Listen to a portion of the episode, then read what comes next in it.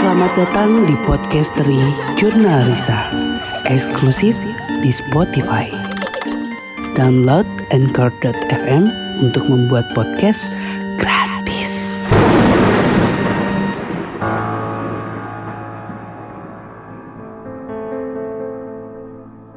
Halo, apa kabar semuanya?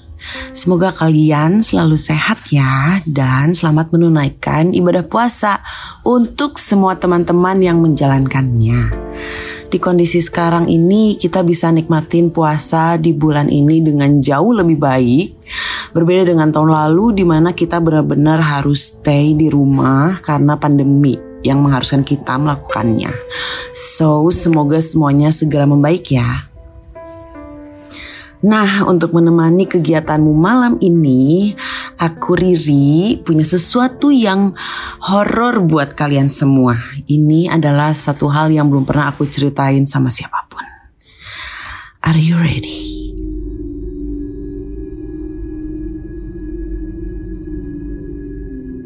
Selamat malam semuanya, selamat datang di podcast 3 Jurnal Risa, a Spotify exclusive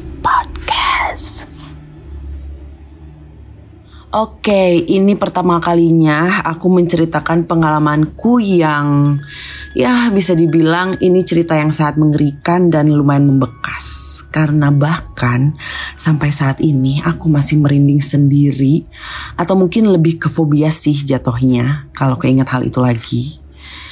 Ya, fobia gue nambah itu kata-kata yang terbersit di pikiran pas pertama kali ngelihat sebuah cracker sayur segitiga setelah hampir satu tahun dari kejadian tersebut terjadi.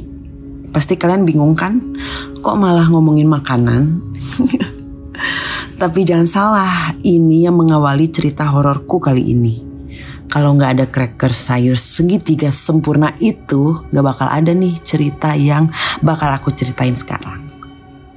By the way, kalian pernah nggak sih takut atau trauma sama satu hal simple yang bener-bener nggak umum? Nggak kepikiran aja gitu sebelumnya kalau benda tersebut bikin kamu bergidik sendiri. Oke, kita mulai ya. Sekitar tahun 2014 ya. Kira-kira tujuh tahun yang lalu, aku diajak oleh kakakku Yap, aku diajak oleh Risa untuk mengikuti sebuah trip singkat bersama anak-anak bandnya pada saat itu. FYI kakakku itu merupakan seorang vokalis dan pencipta lagu juga. Jadi sebelum trip ini ceritanya kita tuh kayak buat konser yang alhamdulillahnya konser itu tuh lancar banget. Dan aku jadi salah satu penanggung jawab dekornya gitu di konser tersebut. Emang agak unik sih konser kakakku ini bertemakan kayak horor-horor gitu. Mungkin kalian ada yang tahu juga. Dan banyak juga sebenarnya kejadian-kejadian aneh yang terjadi pas proses dekorasi itu. Soalnya properti yang kita sewa semuanya kan beneran asli tuh. Let's say kayak mati rumah sakit, keranda, kemenyan, minyak air mata duyung. Itu semua udah kayak makanan sehari-hari deh pokoknya. Tapi itu bakal kita ceritain, bakal aku ceritain lagi nanti di next kesempatan. So sekarang kita fokus dulu ke cerita trip singkat ini, oke? Okay? Oke balik lagi karena aku turut andil bisa dibilang gitu dalam konser tersebut makanya aku dan beberapa tim dekorku disertakan dalam trip tersebut. Timku itu adalah kalian pasti tahu itu teman-teman dan saudara-saudaraku juga hmm, buat para pendengar podcast Rijunarisa pasti tahu lah ya Niko dan timku itu kayak ada Kakang, Dio, Niko dan masih banyak lagi pokoknya. Kebetulan Kakang dan Niko itu berhalangan hadir. Jadi seingat aku tim BTS kayak Redoy, Mas Beng dan saudara aku Dio tuh ada gitu di trip tersebut. Aku inget banget karena di bis tersebut aku duduk sama Redoy kalau nggak salah ya. Tujuan tripnya tuh sebenarnya uh, menarik sih ke salah satu kota di Jawa Tengah selama tiga hari dua malam. Niatnya emang lebih ke liburan plus syukuran juga atas kelancaran konser waktu itu. Oke singkat cerita kita semua pergi menggunakan dua bis dengan lama perjalanan kurang lebih 8 jam. Semua acara yang kita lalui itu lancar, semuanya have fun, foto-foto, kulineran, sampai akhirnya di hari terakhir yaitu hari ketiga. Sebenarnya jadwal hari terakhir itu agendanya simple banget cuman datang ke tempat rekreasi terakhir, terus makan siang dan akhirnya kita balik ke Bandung. Namun di hari itu semua kesenangan kita berubah 180 derajat. Berawal dari aku yang skip sarapan di hotel karena bangun kesiangan, akhirnya buru-buru packing dan masuk ke mobil sambil lari tuh. Ketika kita sampai di parkiran tempat rekreasi terakhir, panitia tuh membagikan masing-masing penumpang kayak snack box.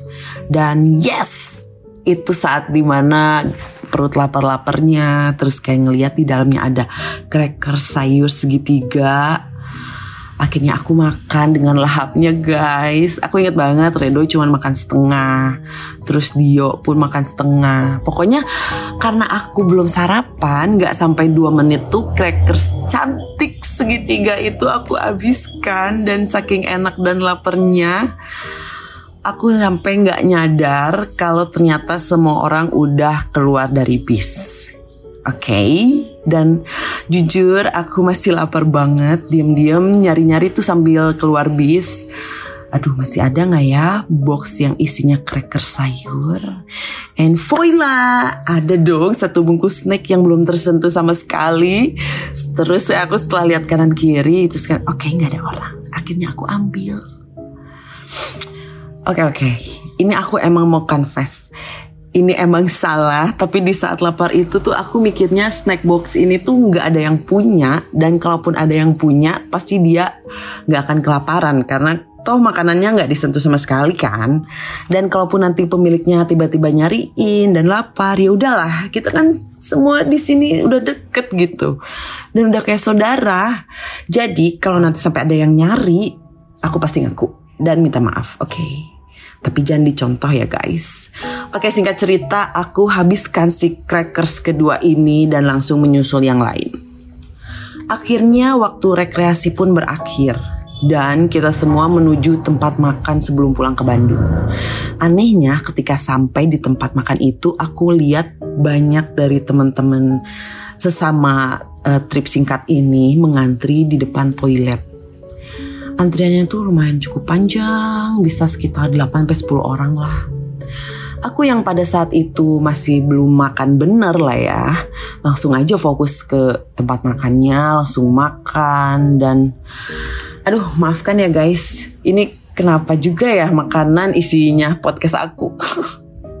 Gak apa-apa tapi aku janji nanti ada horornya. Please stay, oke? Okay? Kira-kira 30 menit berselang, kulihat antrian toilet tak kunjung sepi. Orang-orang terus saja bergantian masuk ke dalam toilet. Tiba-tiba, sedikit demi sedikit, aku merasakan pening dan gak enak badan beneran sebadan-badan. Perutku tuh kerasa sakit, terus sakitnya yang makin lama makin menjadi. Awalnya aku bingung dan coba nahan, tapi badanku ini berubah jadi panas dingin, terus kepala pusing, terus keringetan muncul di mana-mana. Jadinya mau gak mau aku ikut mengantri di barisan orang-orang yang mau ke toilet tadi. Sumpah ya di waktu itu aku gak kepikiran sama sekali atau mempertanyakan kenapa semua orang harus bolak-balik toilet karena emang gak ada yang cerita masing-masing tuh dan aku mikirnya kita akan bakal ngadepin perjalanan balik yang cukup jauh. Jadi ya mungkin biar nanti di perjalanan mereka semua langsung tidur dan gak keganggu sama pengen pipis atau itulah. Jadi ya mereka ngantri di toilet. Itu pikiran aku awalnya. Akhirnya giliran aku pun tiba untuk masuk ke toilet. Setelah hampir 15 menit menahan perut melilit dan panas dingin ini, saat itu aku berpikir kalau Ya mungkin aku masuk angin karena kecapean. Tapi setelah selesai dari toilet, ternyata hal ini gak membuat kondisi badan aku tuh menjadi membaik gitu loh. kan seenggaknya tuh agak enakan lah ya. Tapi ternyata enggak dong guys, malah tambah lama tambah makin jadi. Ini aneh banget sih. Sampai aku yakin ini tuh bukan kecapean. Pasti lebih dari itu. Karena bis saat itu udah mau berangkat, akhirnya lagi dan lagi aku lari-lari ke bis. Orang yang paling terakhir, mau nggak mau kan harus cepatnya gitu dengan dan aku kayak sedih aja kayak bye toilet gitu. OMG kalian bisa bayangin gak sih kalau kalian harus naik bis perjalanan jauh tapi kondisi perut tuh melilit panas dingin aduh nggak karuan. Aku sih udah nggak bisa berkata-kata lagi ya jelasin kondisi saat itu. Kalian coba bayangin aja kayak oh, oh my god toilet please save me oke okay di dalam bis suasananya tuh berasa sangat hening banget. AC bis pun terasa sangat dingin. Redoi pun yang duduk di sebelahku pindah ke belakang. Katanya biar space duduk aku tuh tambah luas, terus bisa lebih enak aja istirahatnya. Mungkin dia ngelihat muka aku agak-agak gimana gitu ya. Karena udah jengah dengan kondisi sendiri, akhirnya aku memutuskan untuk minum obat tidur berharap bisa tidur dengan tenang dan bangun-bangun tuh sampai gitu. Wow, rencana yang sangat brilian bukan? Tapi tetot. Obat itu sama sekali nggak ngaruh. Sakit perutku tuh yang melilit mengalahkan khasiat si obat tidur itu guys. Terus aku lihat di kaca bis, kan biasanya mantul tuh. Nah, pas aku lihat tuh muka aku pucet, bibir aku kering, kayak dehidrasi gitu. Jadi kayak kaget aja oh my god emang seberubah ini ya gitu kondisi aku. Di saat itu aku nggak fokus ke uh, orang-orang lain karena beneran sesakit itu. Kayak kerasanya kepala pusing sepusing-pusing lah pokoknya. Bahkan duduk pun nggak sanggup lama-lama kayak gitu.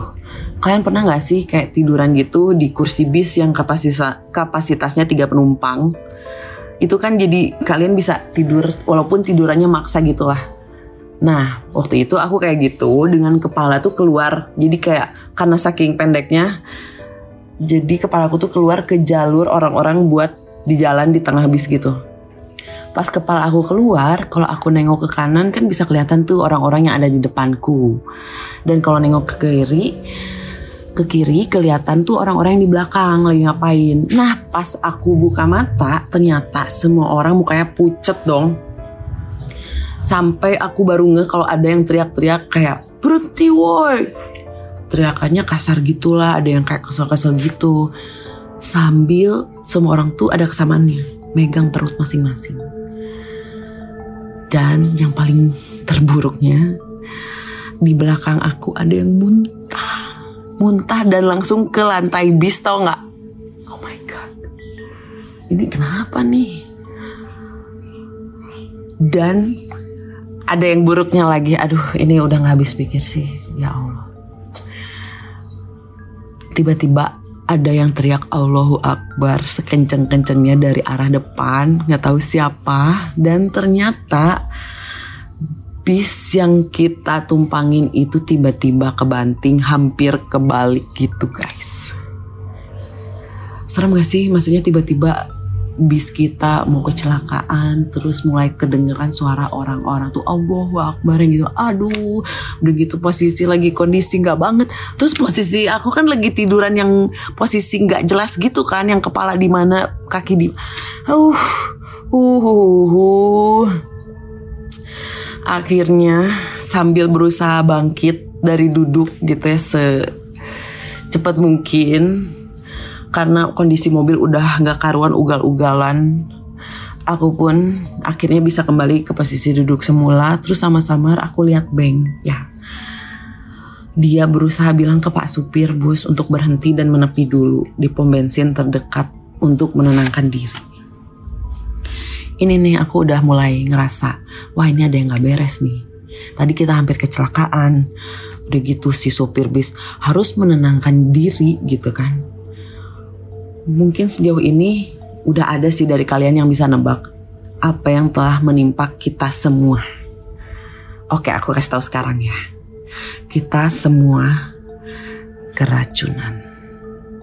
Satu, no no no, dua bis itu keracunan. Iya, keracunan.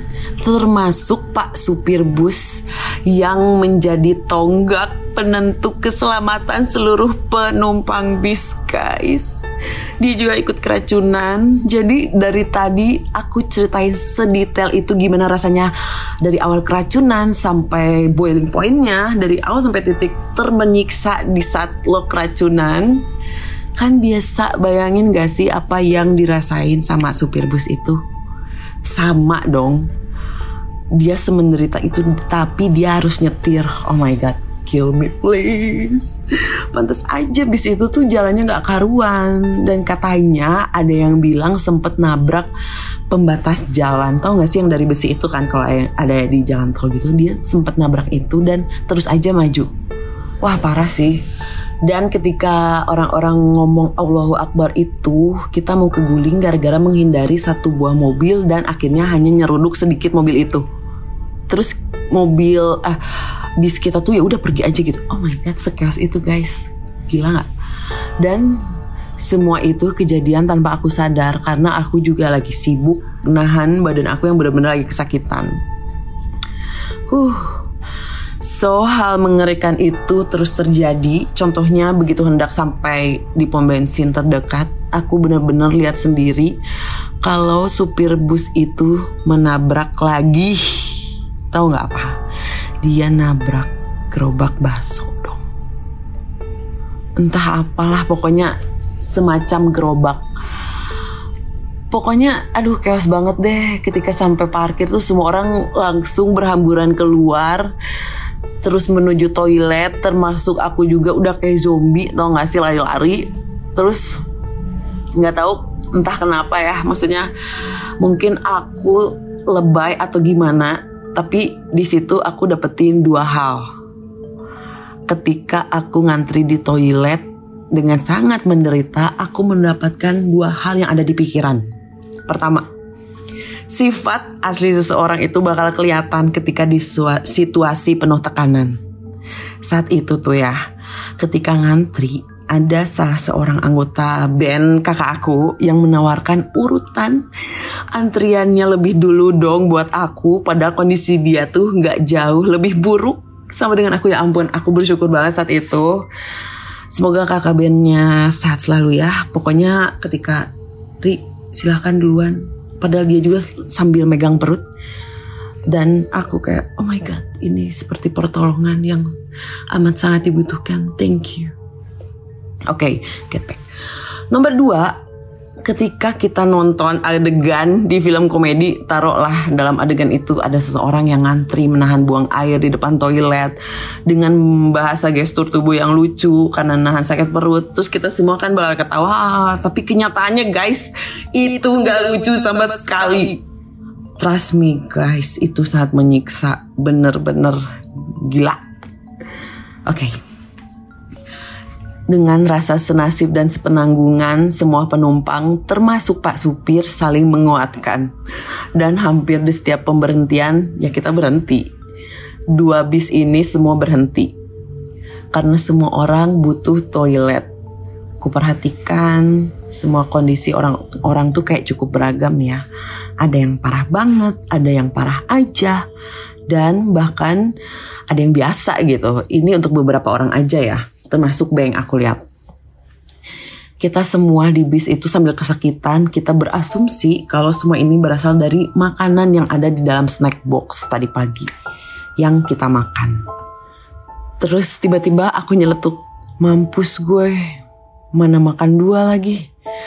Tiba-tiba semua orang langsung ketawa dong di tengah-tengah penderitaan mereka gitu mereka ketawa karena celetukan aku dan secara nggak sengaja ternyata aku telah menyelamatkan seorang backing vokal kakakku yang ternyata tadi pagi crackersnya udah aku curi guys. Oh my god, entah aku harus bilang maaf atau makasih. Lagian nasi udah jadi bubur, si crackersnya udah ada di dalam perut aku. Semua orang ketawa, terus ya udah backing vokal tersebut langsung bilang makasih. oh my god dia sama sekali nggak merasakan apa pun sehat-sehat walafiat ya mungkin ini instan karma lah ya Aku pikirnya gitu waktu itu. Terima aja. Oke, tak terasa kita pun sampai Bandung yang seharusnya 8 jam perjalanan jadi 12 jam aja. Tahu lah ya alasannya. Malam itu aku langsung dilarikan ke rumah sakit dan langsung mendapatkan perawatan intensif dari dokter. Sedangkan Redoy, Dio, Mas Beng dan Risa menolak untuk dibawa ke rumah sakit karena dirasa mereka bisa kayak oke okay, gue nggak terlalu parah nih berasanya jadi ya udah gue di rumah aja gitu. Oke okay, aku berada di salah satu rumah sakit di Bandung dengan bangunan bekas peninggalan Belanda dan aku mendapatkan kamar kamar sendiri di lantai paling atas dan paling pojok bangunan tersebut. Ketika aku menuju ruang kamar, aku harus menggunakan kursi roda sambil dibantu dorong oleh Mas Beng waktu itu, saking lemesnya. Lalu dia memberitahukan kalau panitia yang menginvestigasi penyebab keracunan sepulang dari trip tersebut menemukan bahwa penyebabnya adalah dari snack box tersebut. Jadi benar guys dugaan kita semua ya. Karena faktanya hampir dari 80% peserta yang ikut trip tersebut mengalami keracunan dengan kondisinya masing-masing. Dan ada sekitar 10 orang kalau nggak salah yang dilarikan ke rumah sakit termasuk aku.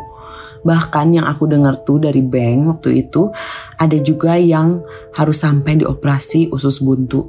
Aduh, gak pernah kebayang deh saat itu kalau aku harus nginep di rumah sakit hanya gara-gara dua belah dua buah crackers segitiga yang ku makan itu. Kemudian aku melewati lorong panjang yang terasa lembab dan dingin.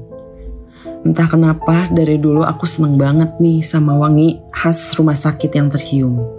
Tapi tiba-tiba wangi itu kok berubah menjadi...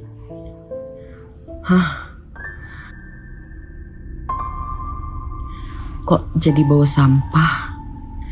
Di depan aku emang ada tempat sampah kecil jaraknya kayak sekitar 2 meter. Tapi ya bersih gitu tempat sampahnya. Dan di jarak sekitar 10 meteran di depanku, kulihat hanya ada satu sosok ibu-ibu yang membelakangi. Jauh di depan sana, ibu-ibu tersebut. Saat itu aku terfokus sama tempat sampahnya. Entah kenapa ya mungkin karena aku sakit jadi perasaannya tuh sensi. Aku bilang sama Beng. Beng, ayo cepet. Bau sampah nih. Bau rumah sakitnya jadi hilang. Sambil memasang muka bete dan pucet gitu, aku nyeletuk kayak gitu. Terus Mas Beng kemudian mempercepat langkahnya dan kita pun melewati tempat sampah itu. Tapi anehnya, setelah melewati tempat sampah itu, aduh sumpah merinding baunya makin lama makin jadi. Padahal si tong sampah tuh sudah babai gitu melewati kita. Lama-lama makin jadi baunya terus jadi bau bangke dong. Di saat yang sama, Beng pun berbisik sama aku. Gak ada bau apa-apa kok. Dan Mas Beng pun membesarkan suaranya seakan dia kayak kode-kode gitu sama huntu atau apa pun yang ada di sekitar kita. Dia bilang, parah lu, jangan bikin takut lagi dong. Gitu. Ya sebenarnya itu nada-nada sok-sok melucu tapi it doesn't work guys. Itu beneran gak ngaruh. Tetap aja merinding. Mana di lorong panjang rumah sakit. Kita berdua doang. Nggak sih ada ibu-ibu itu. Sambil sedikit berlari mendorong kursi rodaku Mas Beng dan aku tuh menuju ke arah si ibu-ibu tadi kan. Soalnya satu arah ke arah kamar aku. Semakin dekat, semakin dekat, aku sadar kalau bau bangkai tersebut semakin menyengat. Terus dalam hati aku bilang, wah jangan-jangan. Merinding lagi guys, wait. wah jangan-jangan nih ibu-ibu sesuatu nih deg-degan kan tuh. Aku diem-diem aja tanpa sempet bilang ke Mas Beng. Karena gue takutnya ketika kalau aku bilang di tempat itu Mas Beng juga ikutan panik gitu. Bisa-bisa ditinggalin aku pakai kursi roda. Kan nggak lucu guys. Jadi aku diem-diem aja mencoba tidak ada apa-apa gitu ya. Akhirnya setelah jaraknya deket aku sadar kalau dari tadi si sosok ibu-ibu ini nggak jalan dong guys. Dia tuh ternyata cuman berdiri di sebelah kanan lorong, membelakangi aku dan Beng di pinggir lorong.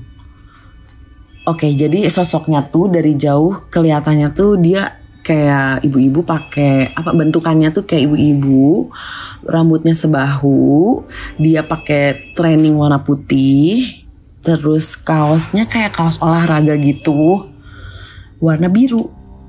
Nah, udah gitu jalan nih kan aku sama Mas Beng dengan cepat jalan.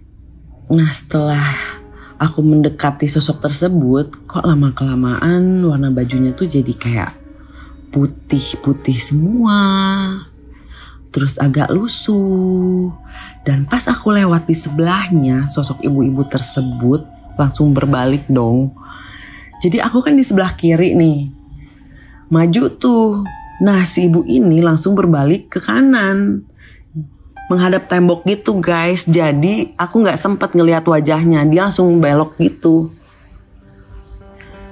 Kayak pas kibra lah ya, kamu tahu kan balik kanan gerak set dia langsung kayak gitu. Jadi aku nggak sempat lihat. Terus ketika aku udah agak majuan, aku coba nengok lagi, dia ngebalik lagi membelakangi aku. Jadi balik kanan lagi dua kali. Jadi kayak seolah dia tuh nggak mau terlihat bagian depannya gitu. Terus kayak kalaupun dia manusia, ngapain freak banget gitu. Kenapa lu dari tadi berdiri menghadap tembok? Terus ketika geraknya tuh pas orang mau lihat, uh, aduh merinding lagi. Oke, okay, oke, okay, oke. Okay. Dan kalian harus tahu ya, di saat itu bau yang nyengat tuh nambah parah baunya bau bangke banget. Dan aku yakin asalnya dari sosok tersebut. Astagfirullahalazim Uh, ternyata itu yang kulihat bukan orang dong, tapi jelas itu sesuatu. Di saat itu beneran udah badan lemes, lihat begituan, dan nggak bisa sharing sama orang yang di belakang gue gitu kan. Ya udah diem diem aja. Udah agak jauh di depan akhirnya aku mencoba lihat lagi ke belakang dan sosok ibu-ibu itu sesuai dugaanku nggak ada. Ya udah gitu. Aku sih sebenarnya lebih baik dia menghilang sih gitu kan. Jadi males banget kalau tiba-tiba ngikutin terus masuk ke kamar kan bye gitu Udah nyampe kamar nih akhirnya. Aku tanya sama Mas Beng di kamar. Mas Beng, um, tadi di lorong lihat apa nggak? Apa kata dia tuh? Lihat apa nggak? aku saking udah nggak jelas ngomong apa, aku cuma bisa ngomong gitu. Terus Mas Beng tuh apa sih? Dia kesel tapi ya karena orang sakit nggak bisa dimarahin kan guys. Nggak lihat jadi dia mencoba sabar oke okay, terus ya udah dia bilang sumpah gue kagak lihat apa-apa. Udah jangan bikin aku takut ya. Kan kita cuma berdua. Yang lain belum datang nanti pagi. Oke okay, ya udah. Akhirnya hari itu pun selesai di situ. Aku menyadari ketika aku sebelum tidur gitu ya kalau rumah sakit ini pasti banyak hantunya. Yang namanya juga rumah sakit apalagi kondisi aku tuh sekarang waktu itu tuh lagi lemah gitu kan. Tapi aku tuh yang nggak nyangkanya kalau penglihatanku tuh bisa sejelas itu loh guys. Sampai nggak bisa bedain mana orang mana bukan. Itu lebih bete lagi ketika misalkan aku sih lebih baik melihat sosok Huntu tuh dari jauh gitu. Dan udah tahu kalau itu Huntu. Dibandingin tiba-tiba udah deket baru kita baru nyadar itu Huntu. Kan lebih bete aduh. Kalau kalian mau tahu ternyata aku tuh di rumah sakit seminggu dong. Ah kalau tahu dari awal bakal seminggu ya. Aku benar-benar pengen minta pulang dari awal. Dok please. Aku dirawat di rumah aja. Itu benar satu minggu karena ternyata kondisi aku tuh separah itu. Jadi kayak aku tuh harus diinfus dan setiap malam hampir aku nggak bisa tidur nyenyak karena gini gini. Jadi kondisi aku tuh kan keracunan. Otomatis badan tuh kayak ngebuang racun-racun yang ada di badan. Jadi perut aku tuh beneran super melilit banget sampai tengah malam pun ketika aku tidur mimpi indah bakal tiba-tiba kebangun karena perut aku melilit banget itu mungkin ada 100 kali lah gue bolak balik ke WC ya selama di rumah sakit itu karena emang se membutuhkan itu huh aduh aku jadi keinget lagi sih waktu itu semenyiksanya parah aku tuh selalu bolak balik ke toilet sambil bawa infusan kebangun tengah malam. Oke okay lah di hari-hari awal aku emang separah itu jadi fokus ke penyakitku aja ya. Tapi di hari ketiga, keempat di mana kondisi aku udah lumayan fit jadi notice nih kondisi lingkungan sekitar. Kayak misalkan ternyata ketika aku sorry guys poop uh, itu kondisinya sore-sore. Hmm, aku kan sendiri lagi ngelamun nih sambil perut melilit tiba-tiba ada yang lewat. Ini keseringan nih kayak gini. Suka lagi ngelamun tiba-tiba ada yang lewat. Padahal itu di WC dong, bukan jalan umum ya guys. Tapi di saat itu mungkin karena aku sedikit enggak enggak enggak oke okay, Rena tenang oke okay. huh mungkin saat itu kondisi aku tuh enggak separah waktu kedatangan waktu itu jadi sosoknya tuh enggak sejelas itu ya aku ngelihat si true warnanya uh, bentukannya tuh none Belanda pakai full gaun rambutnya keriting cantik sekali. Dia jalan melintas di depan aku nembus tembok. Udah aja seperti itu. Manis sekali bukan? Ketika kita lagi pup ada yang seperti itu otomatis aku teriak lah. Kebetulan waktu itu ada Niko ada Kakang juga. Terus kayak mereka kaget. Tapi gimana ya kondisinya di situ kan aku teriak mereka nggak bisa masuk WC juga gitu. Jadi kenapa kenapa kenapa? Gitu di pintu mereka teriak-teriak terus ada itu ada itu. Karena aku nggak bisa ngomong karena aku takut notice gitu kan si huntunya. Jadi ya udah aku cuma bisa kuduk-kuduk kayak gitu terus akhirnya cepet-cepet beres-beres. Terus infusannya kegoyang-goyang akhirnya darah aku keluar. Chaos lumayan lah di situ. Oke terus akhirnya ya udah udah beres. Itu hari ketiga aku melihat si nona itu ya. Udah semuanya lancar sampai tiap malam aku selalu bilang mah pengen pulang dok. Please pulang suster. Semuanya aku sudah sembuh. Aku tapi nggak ada yang percaya karena kata dokter belum boleh pulang. So aku harus stay di situ beberapa hari lagi. Huh oke. Okay. di malam ke 6 ya di malam terakhir nih Oke, okay, di malam terakhir aku nggak bisa tidur entah kenapa. Selain karena pup ya, aku nggak bisa tidur. Terus saudara-saudaraku banyak banget nungguin aku dan mereka semua udah tidur dong. Sangat membantu kan. Jadi si Riana ini sendirian nih di kamar nonton TV. Hmm, kayak gitu. Kebetulan filmnya tuh horor. Remote jauh aku mager. Ngerti kan perasaannya? Jadi ya udah deh mau nggak mau nonton lagian toh orang-orang juga banyak walaupun tidur kan. Oke oke. Kalian pernah nggak sih dengar istilah kayak jika kamu merasa kesepian matikan lampu dan tontonlah film horor maka kamu nggak akan ngerasa kesepian lagi. Please dong guys. Saran dari aku don't do that. Karena ini beneran kejadian. Di saat itu aku nggak kuat. Seperti biasa pengen pup dadakan lagi serangan lagi tuh kan. Ya udah sendiri nih berjuang karena aku nggak enakan. Sebagai kakak aku tidak mau mengganggu adik-adikku yang sedang tidur pulas. Walaupun sebenarnya niat dia baik niat mereka untuk menemani walaupun sepertinya tidak kurang berguna gitu ya. Gue masuk ke toilet gitu.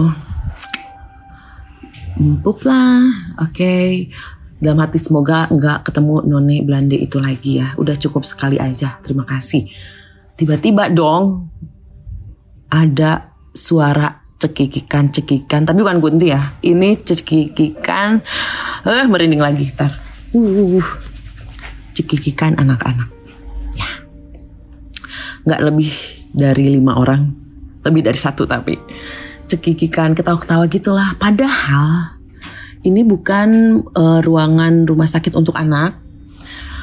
Terus aku posisinya di lantai paling atas, which is kalau aku nongol nih di jendela itu kelihatannya atap-atap bangunan gitu. Karena posisinya itu bangunan Belanda, toilet aku tinggi, terus ada bukaan jendela yang super gede.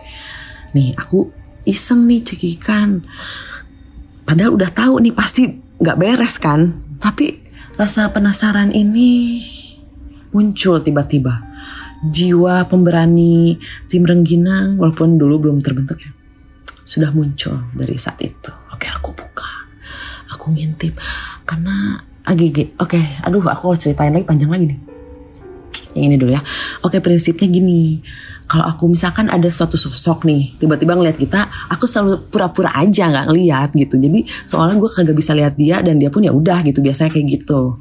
Nah sekarang tuh prinsipnya dipakai. Ya udah ngintip aja. Kalau ngintip mereka nggak ngeliat aku nggak akan ketahuan dong gitu kan? Ya udah aku berusaha nih ngintip pelan-pelan. Karena aku denger suaranya jauh cekikannya kayak seru gitu Aku buka nih si jendelanya cut kecil, memincingkan mata. Oke, aku lihat seperti Peter CS, tapi bukan. Ini sosok anak-anak Belanda lainnya. Aduh ya Allah. Uh, apa?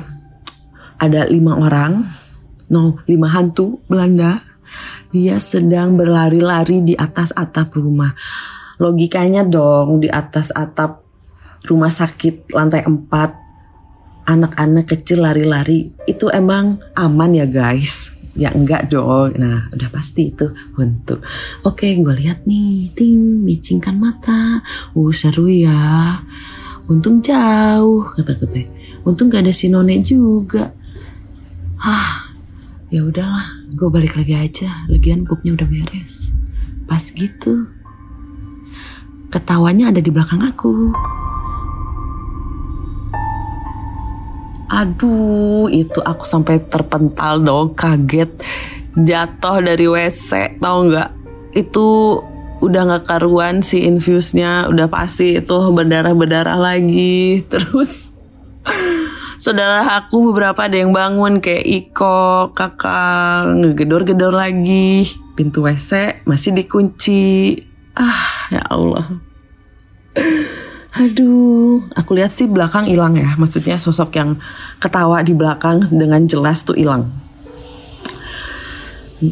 Dan ya maksudnya aku nggak mencari juga sih langsung lihat belakang. Cuman aku langsung tiba-tiba jatuh ke belakang karena saking kagetnya. Terus akhirnya aku buka kunci cepet-cepet. Terus kakang kesal juga karena kenapa sih lu nggak bilang kalau mau ke toilet gitu. Kan kalau ada apa-apa gimana kayak gini nih contohnya. Akhirnya suster juga berusaha untuk iniin benerin infus aku balik ke kasur lah udah gitu aku mohon mohon nih sus please udah sehat mau pulang. Akhirnya ya udah besok saya coba ngomong sama dokter. Ya akhirnya besokannya aku boleh pulang infus udah dicabut. Tinggal rawat jalan lah ya maksudnya bisa di di rumah juga makanannya dijaga terus ya udah aku bisa joget-joget nih sama saudara-saudara aku kayak happy happy akhirnya kita pulang. Ya udah deh. Selesai sampai di situ perjalananku dari awal. So sorry banget karena aku terlalu detail dan muter-muter mungkin. I'm so sorry. Cuman ya aku mau sharing sama kalian dengan caraku yang seperti ini. Oke okay? semoga kalian bisa menerimanya. Dan kalau kalian tanya kapok gak sih untuk trip-trip lagi ke daerah yang sama waktu kalian keracunan gitu kan? Menurut aku sih aku ya kalau aku ditanya gitu aku bagaikan kapok-kapok lombok tau gak sih kalau ada yang ngajakin. Jadi kayak lupa sudah sengsaranya cie ya sama kayak pendakian guys. Jadi kalau bareng teman-teman yang tepat maka kita pun gak akan ngerasa kesakitan malah bakal jadi kuat gitu itu sih kebersamaannya sih yang bikin aku lupa sama semua kesengsaraan yang telah dijalani. Seberapa capeknya, seberapa sakitnya kondisi kita, so dengan mudah juga kita akan lupa sengsara. Pokoknya nggak kapok lah intinya gitu. Dan kagetnya setelah satu minggu dari situ, aku mendapat kabar kalau supir bis yang kita tumpangi meninggal dunia. Podcasteri Jurnal Risa eksklusif di Spotify. Download Anchor.fm untuk membuat podcast gratis.